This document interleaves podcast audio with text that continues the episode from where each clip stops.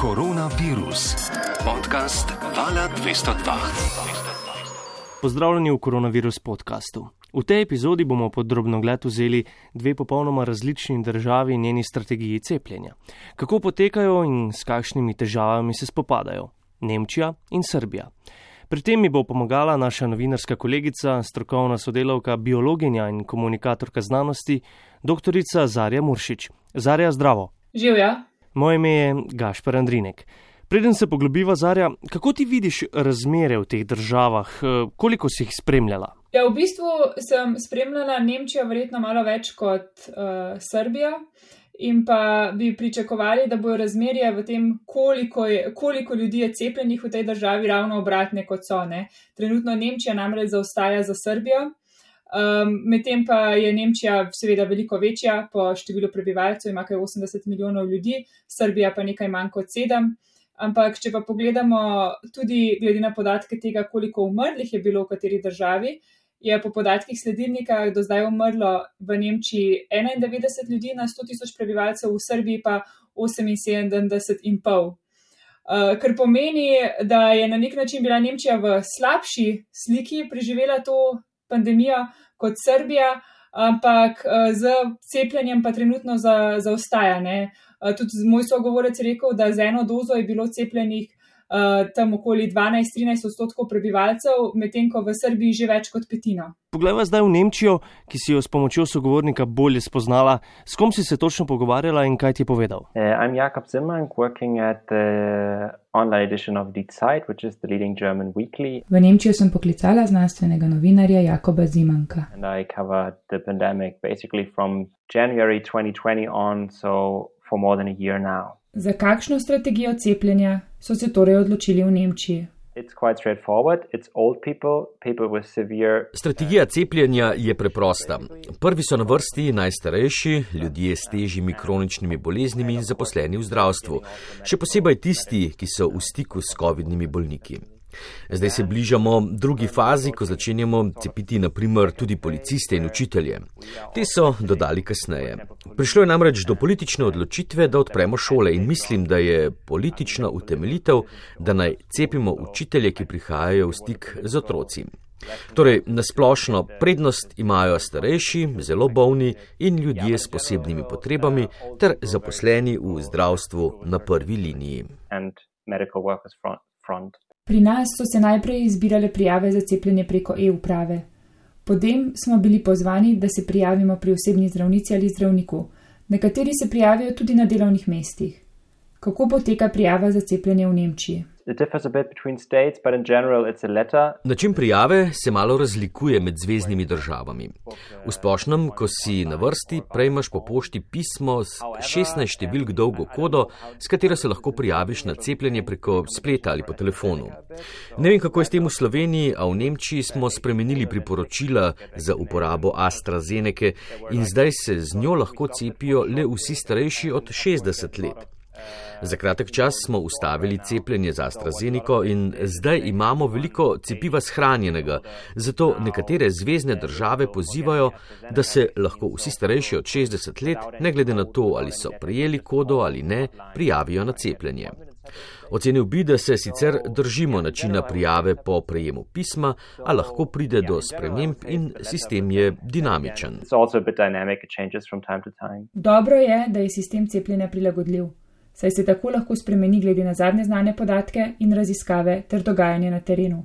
Vseeno pa je verjetno najbolj pravično cepivo razdeliti glede na število prebivalcev v neki regiji, Kljub temu lahko prihaja do razlik pri cepljenju. The, um, I mean, the rollout differs, of course, logistically between states as well. So some states are a bit better and some states are worse, and that's for very regional reasons. Logistika cepljenja se razlikuje med zvezdnimi državami, nekatere so boljše kot druge, gre za regionalne razloge. Če pogledamo število dos in kako so razdeljene, so razdeljene glede na velikost prebivalstva v državi. Prišlo je le do nekaterih sprememb v zvezdni državi Posarje na jugozahodu, ki meji na Belgijo in Francijo. Tam so imeli zelo veliko primerov, zato so jim dodelili malo več dos cepiva, da bi imeli nekaj zaloge za morebitni val, ki bi prišel zaradi bližine žarišč. Podobno velja za Saško in Bavarsko, ki mejite na Češko, ki je imela v začetku leta ogromno porast primerov. Sicer pa se cepiva delijo glede na velikost populacije. So, so yeah, but in general, it's it's um, dependent on the size of the state. Ker želimo čim hitreje precepiti čim več ljudi, so mnoge evropske države organizirale velike cepilne centre. Prav tako tudi Nemčija. We have large arenas, for example, that are built for vaccinating. Imamo velike arene, ki smo jih pripravili posebej za cepljenje. Vsako večje mesto ima vsaj eno. Berlin, na primer, jih ima šest ali sedem. Skupaj imajo kapaciteto za cepljenje 700 tisoč ljudi na dan. Ampak trenutno še nimamo dovolj dobavljenega cepiva, da bi koristili 100 odstotkov teh kapacitet cepilnih centrov. A verjetno bomo k malu tam v aprilu ali maju. Zdaj se tako v mnogih krajih pripravljajo in testirajo tudi na cepljenje pri osebnem zdravniku. Pričakujemo, da bomo v naslednjih tednih in mesecih imeli dovolj odmerkov, da bomo cepili tudi tako. Vedno več cepiv bo na voljo in zares si želimo pospešiti celotno kampanjo cepljenja. Le še vprašanje časa je, kdaj se bo to zgodilo.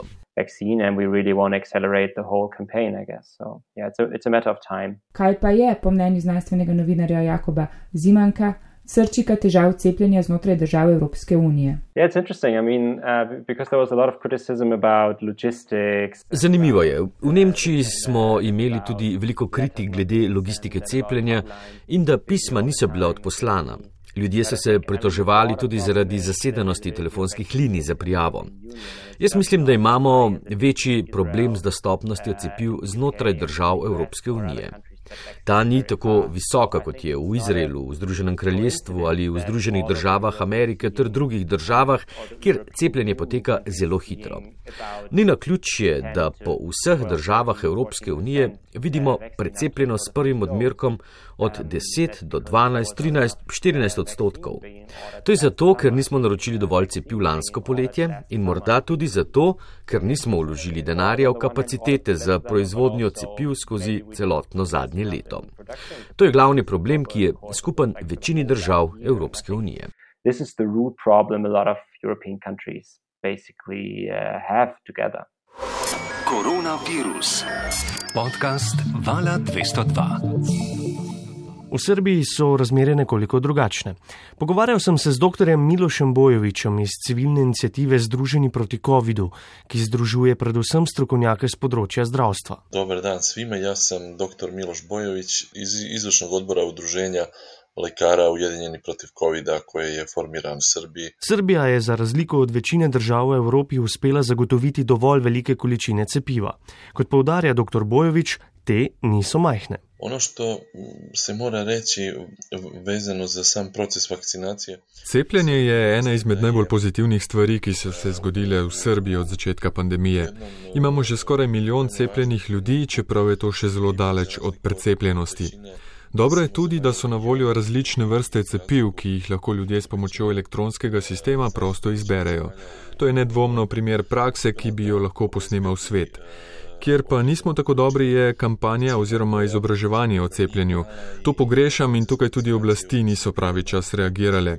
Tudi mediji niso odigrali prave vloge, v povezavi s cepivi jih zanima predvsem senzacionalizem. Prisutan kao jedna vrsta populizma koja je nažalost dominantna u, u odnosu političara prema ovoj epidemiji je dovela do toga da ta stvar vezana za jedan antivakserski pokret. Proticepilska gibanja so v Srbiji zelo razširjena in vplivna. S tem se po mnenju dr. Bojoviča še vedno premalo ukvarjajo in predvsem tukaj vidi pomembno vlogo njihove inicijative. Nedostatak kontinuiranog prosvećivanja stanovništva. Državljanke in državljani so v Srbiji bili od začetka pandemije pod neprestanim vplivom dvojnih sporočil. V enem dnevu smo lahko slišali povsem različne informacije o isti stvari. Po letu dni so ljudje izgubili vsakršno zaupanje tudi v zelo jasna dejstva. Proticepivska gibanja so močna na družabnih omrežjih, imajo tudi močne plačane kampanje. A tudi mediji z nacionalno pokritostjo lansirajo zelo nasprotujoče si informacije. Nezaupanje se je povečalo, okrožijo številne teorije zarote. Kljub veliki dostopnosti cepiv, interes za cepljenje upada, kar je zaskrbljujoče. Naši virologi opozarjajo, da je zdajšnja situacija, ko imamo soliden delež cepljenih in vedno več ljudi na novo okuženih, nevarna tudi zaradi dejstva, da bi se lahko razvila rezistenca virusa na cepivo in tudi novi sevi. Zato moramo nadaljevati s kampanjo za cepljenje. Virusa se ne bomo rešili zaradi cepiv, ampak ga bomo eliminirali s cepljenjem. Združiti bomo morali moči. Ne rešava vakcina stvar. Več vakcinacija. Zelo podrobno, že vse čas epidemije dogajanja v Srbiji spremlja tudi naš beograjski dopisnik Boštjan Anžin. Imajo bistveno več, ali pa jih bodo imeli v kratkem bistveno več uh, cepiva, kot pa ljudi, ki ga bi želeli prejeti. V bistvu so tiste prijave, uh, ki potekajo preko srpske e-uprave, že bolj kot ne izčrpali, novi ljudje se pa uh, ne prijavljajo. Tukaj med drugim zdaj poteka tudi ena taka kar precejšnja akcija, ko znani ljudje, politiki nagovarjajo ljudi, naj se vendarle grejo cepiti. In seveda ne smemo pozabiti na eden od argumentov, recimo tudi ta, če boste potovali v Makedonijo ali Grčijo, potem se lahko odločite, ali boste za ston cepljeni, ali boste pa plačali enkrat ali pa štirikrat, če imate štiričlansko družino, PCR test za tja in nazaj. Torej, ta briljanten začetek in uh, to uvrščanje Srbije v, evropsko, v evropski vrh ali pa v svetovni vrh cepljenja se bi znalo v bistvu zdaj v naslednjem uh, mesecu kar močno obrniti. Srpski sistem cepljenja je na začetku omogočal prijavljanje.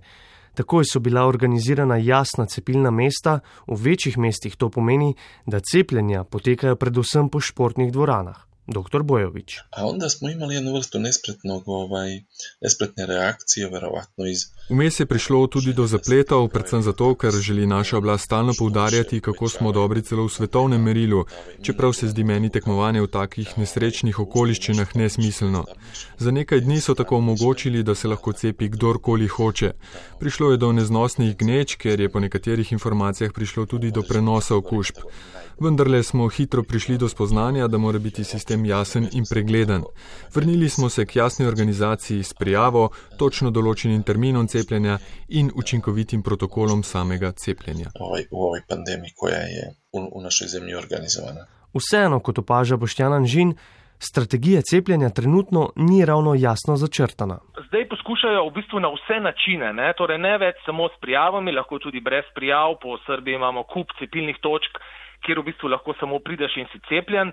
Um, ampak predvsem na teh bolj um, odročnih koncih, ne, torej ne Beograd, ampak um, recimo Vranje in tam okolica, zdaj pač poteka akcija z mobilnimi cepilnimi točkami, torej hodijo po hišah, cepijo ljudi. Res ima človek no, občutek, še posebej, ko potem spremlja um, druge države v Evropski uniji, ne, da je to tak res bizaren problem, ki ga nima nihče drug, torej da je cepil dovolj um, ampak ni ljudi, ki bi se cepili. Tako da ta strategija v začetku zelo jasna, torej to so bili ogrožene skupine, um, vojska, zdravstveni delavci, uvrstili so tudi medije v to prednostno skupino. Od tam naprej no, je pa potem vse skupaj bolj neznanka, ampak je pa res, da seveda neznanka marsikaj v Srbiji, tudi recimo cene cepiva. V civilni inicijativi Združeni proti COVID-u so bili kritični predvsem do tako imenovanega cepilnega turizma v Srbiji. Ono što smo mi kritikovali vezano za to što se naziva vakcinalnim turizmom ili... Naša kritika v povezavi s tako imenovanim cepilnim turizmom oziroma cepljenjem tujcev je bila predvsem zaradi slabe organizacije. Vse skupaj je bilo spet izkoriščeno v populističnem smislu. Popolnoma jasno je, da je treba cepivo, ki mu poteče rok trajanja, porabiti, vendar način ni bil pravi. Na vkljub vsem omejitvam je bilo velikemu številu ljudi omogočeno, da so prišli v državo in to brez negativnega PCR testa. Več ur skupaj so v veliki gneči čakali na majhnem cepilnem območju. Ob slabi epidemiološki situaciji v Srbiji je bila ta poteza slaba, ni bilo kontrole. Obstajale so druge možnosti, cepivo bi lahko denimo poslali posameznim državam ali pa bi postavili cepilna mesta na mejah. S podobno težavo se bomo srečali, ko bodo cepljeni prišli po drugi odmerek. Seveda je prav, da pomagamo, a moramo to delati bolj premišljeno, ljudi ne smemo dodatno izpostavljati nevarnosti. Sami da se vakcinišu, pa oni su upravo stajali, jel tako, u tim v tim redovima. S cepilnimi turisti iz Slovenije se je srečal tudi Boštjan Anžin. Poznam, ampak vsi tisti, no, ki so se prijavili, nišče ni izbral AstraZeneca, ampak so vse obvestili, da se lahko pridejo cepiti z AstraZeneca. Se je razpletlo, kot se je, torej ostalo naj bi, kot je dejala premijejka, med 20 in 25 tisoč odmerkov cepiva, ki mu je v začetku aprila uh, potekal rok uporabe in je bilo treba Eh, neko akcijo narediti. V bistvu so povabili um, gospodarstvenike iz celotne regije, vsi so prišli tam. Med 8 in 9 tisoč jih je bilo, zavrnili so to možnost samo na Kosovu. In potem so v bistvu v tistem trenutku, ko je postalo jasno, da je teh cepiv res preveč, vsi te prijatelji v Sloveniji tudi dobivali SMS, poročila in uh, e-mail uh, pošte, torej da naj pridajo in to so bila tako um, zelo kratki termini, torej jutri ali pa pojutrišnjem, ne glede na to, kaj so izbrali, torej so jim ponudili um, AstraZeneca. No, potem se je pa tukaj očitno izkazalo, da bo tudi teh ljudi, ki so se naročali iz tujine premalo, tako da so za dan pa pol sprostili in je torej lahko vsak tujec, ki je prišel, v glavnem so bili pa to iz Bosne in Hercegovine, Severne Makedonije, v bistvu tudi nekaj kar naključnih turistov, um, pri katerih se seveda potem človek vpraša, kako bodo s tem drugim odmerkom, ampak um, so pač prišli in um, so jih cepili. No, potem so pa v enem trenutku sporočili, da to ni več možno, verjetno tudi zaradi tega, ker je, so nastajale ogromne gneče in tukaj je bilo kar nekaj pomislekov. Ne. Je pa res, da v tem trenutku se že dogaja, da v bistvu vabijo tudi tujce, ki nimajo torej nobene povezave s Srbijo, ki so se prijavili na Pfizer BioNTech. Očitno je v tem trenutku um, tudi tega cepiva v Srbiji dovolj. Um, je pa seveda to potem vse skupaj izpadlo kot ena zelo velika gesta Srbije ne, in um, potem je predsednik Vučić in celotna vlada to zelo spretno izkoristila, torej bili so posod tudi na CNN-u uh, in take reklame se seveda ne, ne, ne braniš, je pa res to, kar pravi Vučić, ne, torej da um, Srbija ne bo varna, če bodo razmere v okoliščini takšne, kot so zdaj, torej ko imajo tega cepiva samo za vzorec. Dr. Miloš Bojovič si v prihodnosti želi, da bi ljudje doživeli neke vrste katarzo in bi spremenili odnos do zdravstvenih delavcev in medicine. Ono što bi mi želeli i na čemu ćemo i mi raditi koliko budemo mogli, ali tako koliko nam naše... Povrniti se mora zaupanje v stroko, da bodo ljudje verjeli zdravniku, ko jim bo rekel, da je dobro za nje, da se cepijo. Potrebovali bi kakovostno kampanjo o cepljenju, pa ne v smislu, da nekoga prepričamo, da se cepi, ampak da izobrazimo čim več ljudi, da bodo razumeli, zakaj moramo stopiti skupaj in omogočiti zdravstvenemu sistemu, da nas reši iz pandemije. Poudarjati bi morali solidarnost tako med samimi državljani, kot tudi solidarnost do zdravstvenih delavcev, ki izgorevajo. Pri ljudeh želimo prebuditi empatijo, solidarnost in odgovornost. I solidarnosti i jedne odgovornosti, ali tako, prema drugome. Koronavirus. Podcast Vala 202. Poslušate koronavirus podcast, jaz sem Gašpor Andrinek, skupaj z biologinjo in komunikatorko znanosti dr. Zarijo Muršič, ki je naša novinarska kolegica in strokovna sodelavka, analizirava strategije cepljenja v dveh popolnoma različnih državah, Nemčiji in Srbiji. Zarja, če se zdaj ozreva na Slovenijo, kako bi lahko ti dve strategiji, ki smo jih zdaj spoznali, primerjali s Slovenijo? Ja, v bistvu, če pogledamo, smo videli, da v Nemčiji na nek način zasledijo tem idejam, da najprej cepimo najstarejše in potem gremo počasi proti mlajšim, s tem, da, eh, kot je povedal Jakob, so tudi pri njih spremenili strategijo, tako da so dodali vmes učitelje in pa policiste.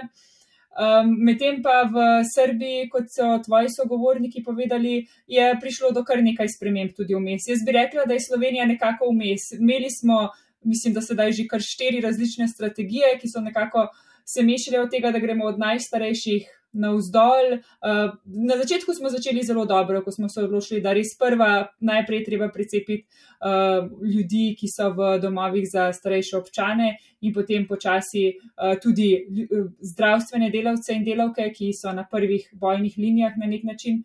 In potem že spet smo šli po starostni lestvici, na kar je potem tudi malo zaradi tega cepiva AstraZeneca prišlo do uh, zmede. Verjetno podobno se je zgodilo tudi v Nemčiji in smo začeli naenkrat cepiti eh, mlajše od 65. leta.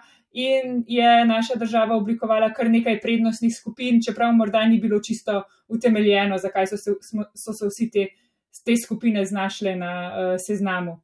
Um, zdaj pa ne vem, zdaj pa že spet sledimo tej idealnemu načrtu, torej najstarejše, ki so tudi najbolj prizadeti, če zbolijo s okužbo koronavirusa in dobijo COVID, do pač najmlajših, za katere je tveganje veliko manjše. Zarja, že večkrat si opozorila, da se je treba jasno držati strategije. Govorila si tudi o mehurčkih, ki lahko nastanejo, kot tudi recimo 50-odstotna precepljenost ne bi v praksi pomenila ustavitve pandemije. Ja, 50-odstotna precepljenost bo težko že ustavila uh, pandemijo, torej širjenje samega virusa, ker enostavno to še ni dovolj, dovolj odstotkov. Recimo, lahko pa se pojavi tudi problem, ko bomo prišli do tistih 60, 70, 80 odstotkov, če imamo neke skupnosti ljudi, ki morda ne zaupajo cepljenju oziroma se ne nameravajo cepiti in se družijo skupaj. In imamo torej neke otočke ljudi znotraj skupnosti, ki niso cepljeni. In enostavno, če virus nekako zaide v te skupine, lahko tam povzroči prav požar. Ta iskra, ki pride noter, povzroči požar. Medtem ko pa, če imamo skupine, kjer so na ključno porazdeljeni cepljeni, v bistvu ena iskra še ne more tako hitro povzročiti požara, ker se enostavno virus nima kam naprej širiti. Ker če si cepljen, si na nek način zavarovan, ne nujno pred okužbo, ampak vsaj pred težjim potekom bolezni. Torej, bi morali tej strategiji, ki jo imamo, tudi slediti. Zelo smiselno je slediti temu, torej predvsem spodbujati veliko starejših, da se grejo cepiti, ker so oni v bistvu pri tej uh, pri COVID-u najbolj prizadeti.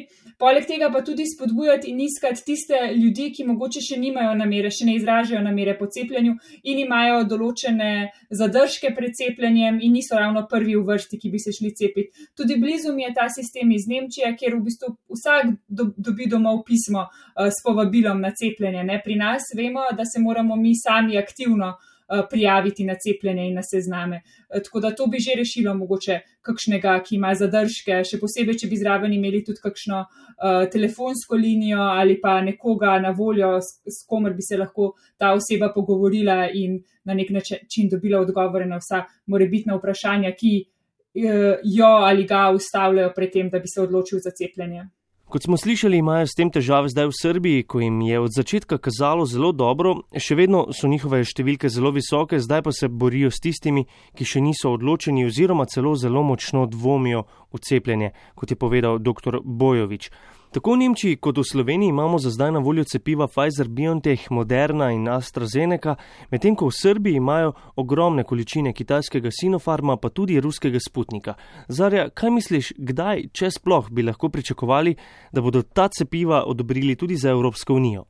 Verjetno bi lahko odobritev uh, za ruski Sputnik pričakovali prej kot pre, pri kitajskem Sinopharmu, namreč Sputnik in pa tudi cepivo Novavax sta trenutno oba v uh, tej analizi, ki jo naredi Evropska agencija za zdravila, preden potrdi uporabo določenega cepila, cepiva znotraj države Evropske unije. Tako da to pa lahko čakamo, da dobimo to rezultat te ocene, verjetno še kakšen mesec, dva, mogoče celo tri. Zarja, na koncu ne moreva mimo najbolj aktualnega vprašanja v zvezi s cepljenjem pri nas in tudi drugot, že si omenila AstraZeneca in njeni stranski učinki. O tem bo zagotovo še poročala v novih epizodah koronavirus podcasta, ampak torej ene države znova obračajo strategijo cepljenja za AstraZeneca. Obetajo se tudi pri nas. Nam lahko mogoče poveš kaj več? Pri nas mislim, da smo se sedaj odločili, da AstraZeneca ponudimo ljudem starim med 60 in 65 let. In res je, ta, to cepivo je že kar nekaj časa vzbujalo nekaj dvomov, nekaj nejasnosti je bilo z njim. In sedaj se je izkazalo, da so vsaj v Nemčiji, pa tudi v nekaterih drugih evropskih državah poročali o res zelo, zelo redkih.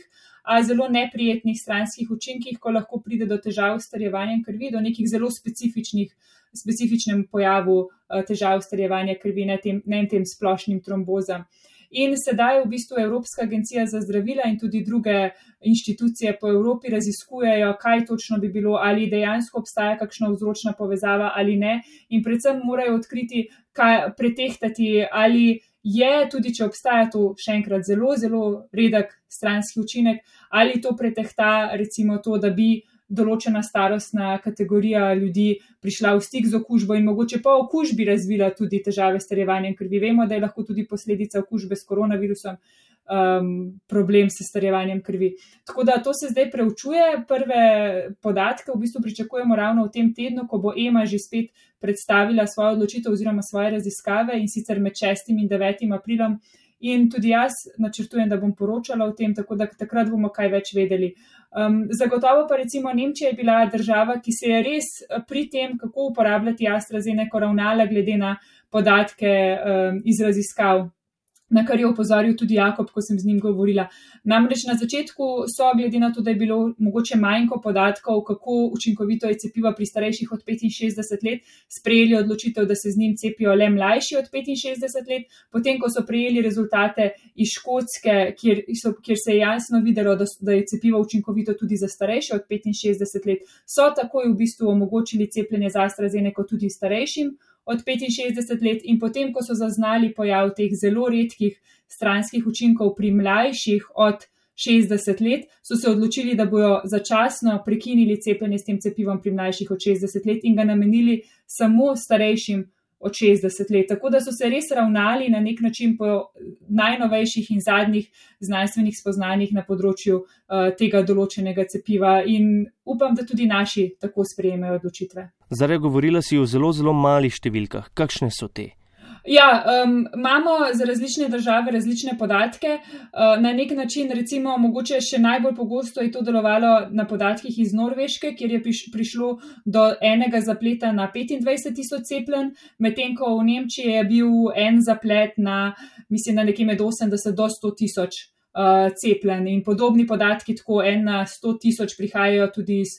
Eh, eh, Združenega kraljestva in pa iz nekaterih drugih evropskih držav. Torej, ni čisto jasno, kaj se dogaja. Težava je pa tudi v tem, da dejansko ni čisto jasno, kako pogoste so te težave v, v sicer v splošni populaciji. In pa še mogoče še bolj zanimivo vprašanje trenutno pa je, ali obstajajo kakršni koli dejavniki tveganja, da bi lahko vnaprej vedeli, kdo mogoče bi bil zauzeten, da pride do pojava tega zelo redkega uh, zapleta. Veliko vprašanj še vedno ostaja odprtih in zagotovo jih bo Zarja naslovila v prihodnjih epizodah koronavirus podcasta.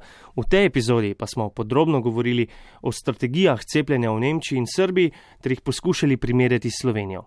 Z vami sva bila Zarja Muršič in Gašpar Andrinek. Koronavirus podcast poiščite na val202.si in v vseh aplikacijah za podkaste. Koronavirus.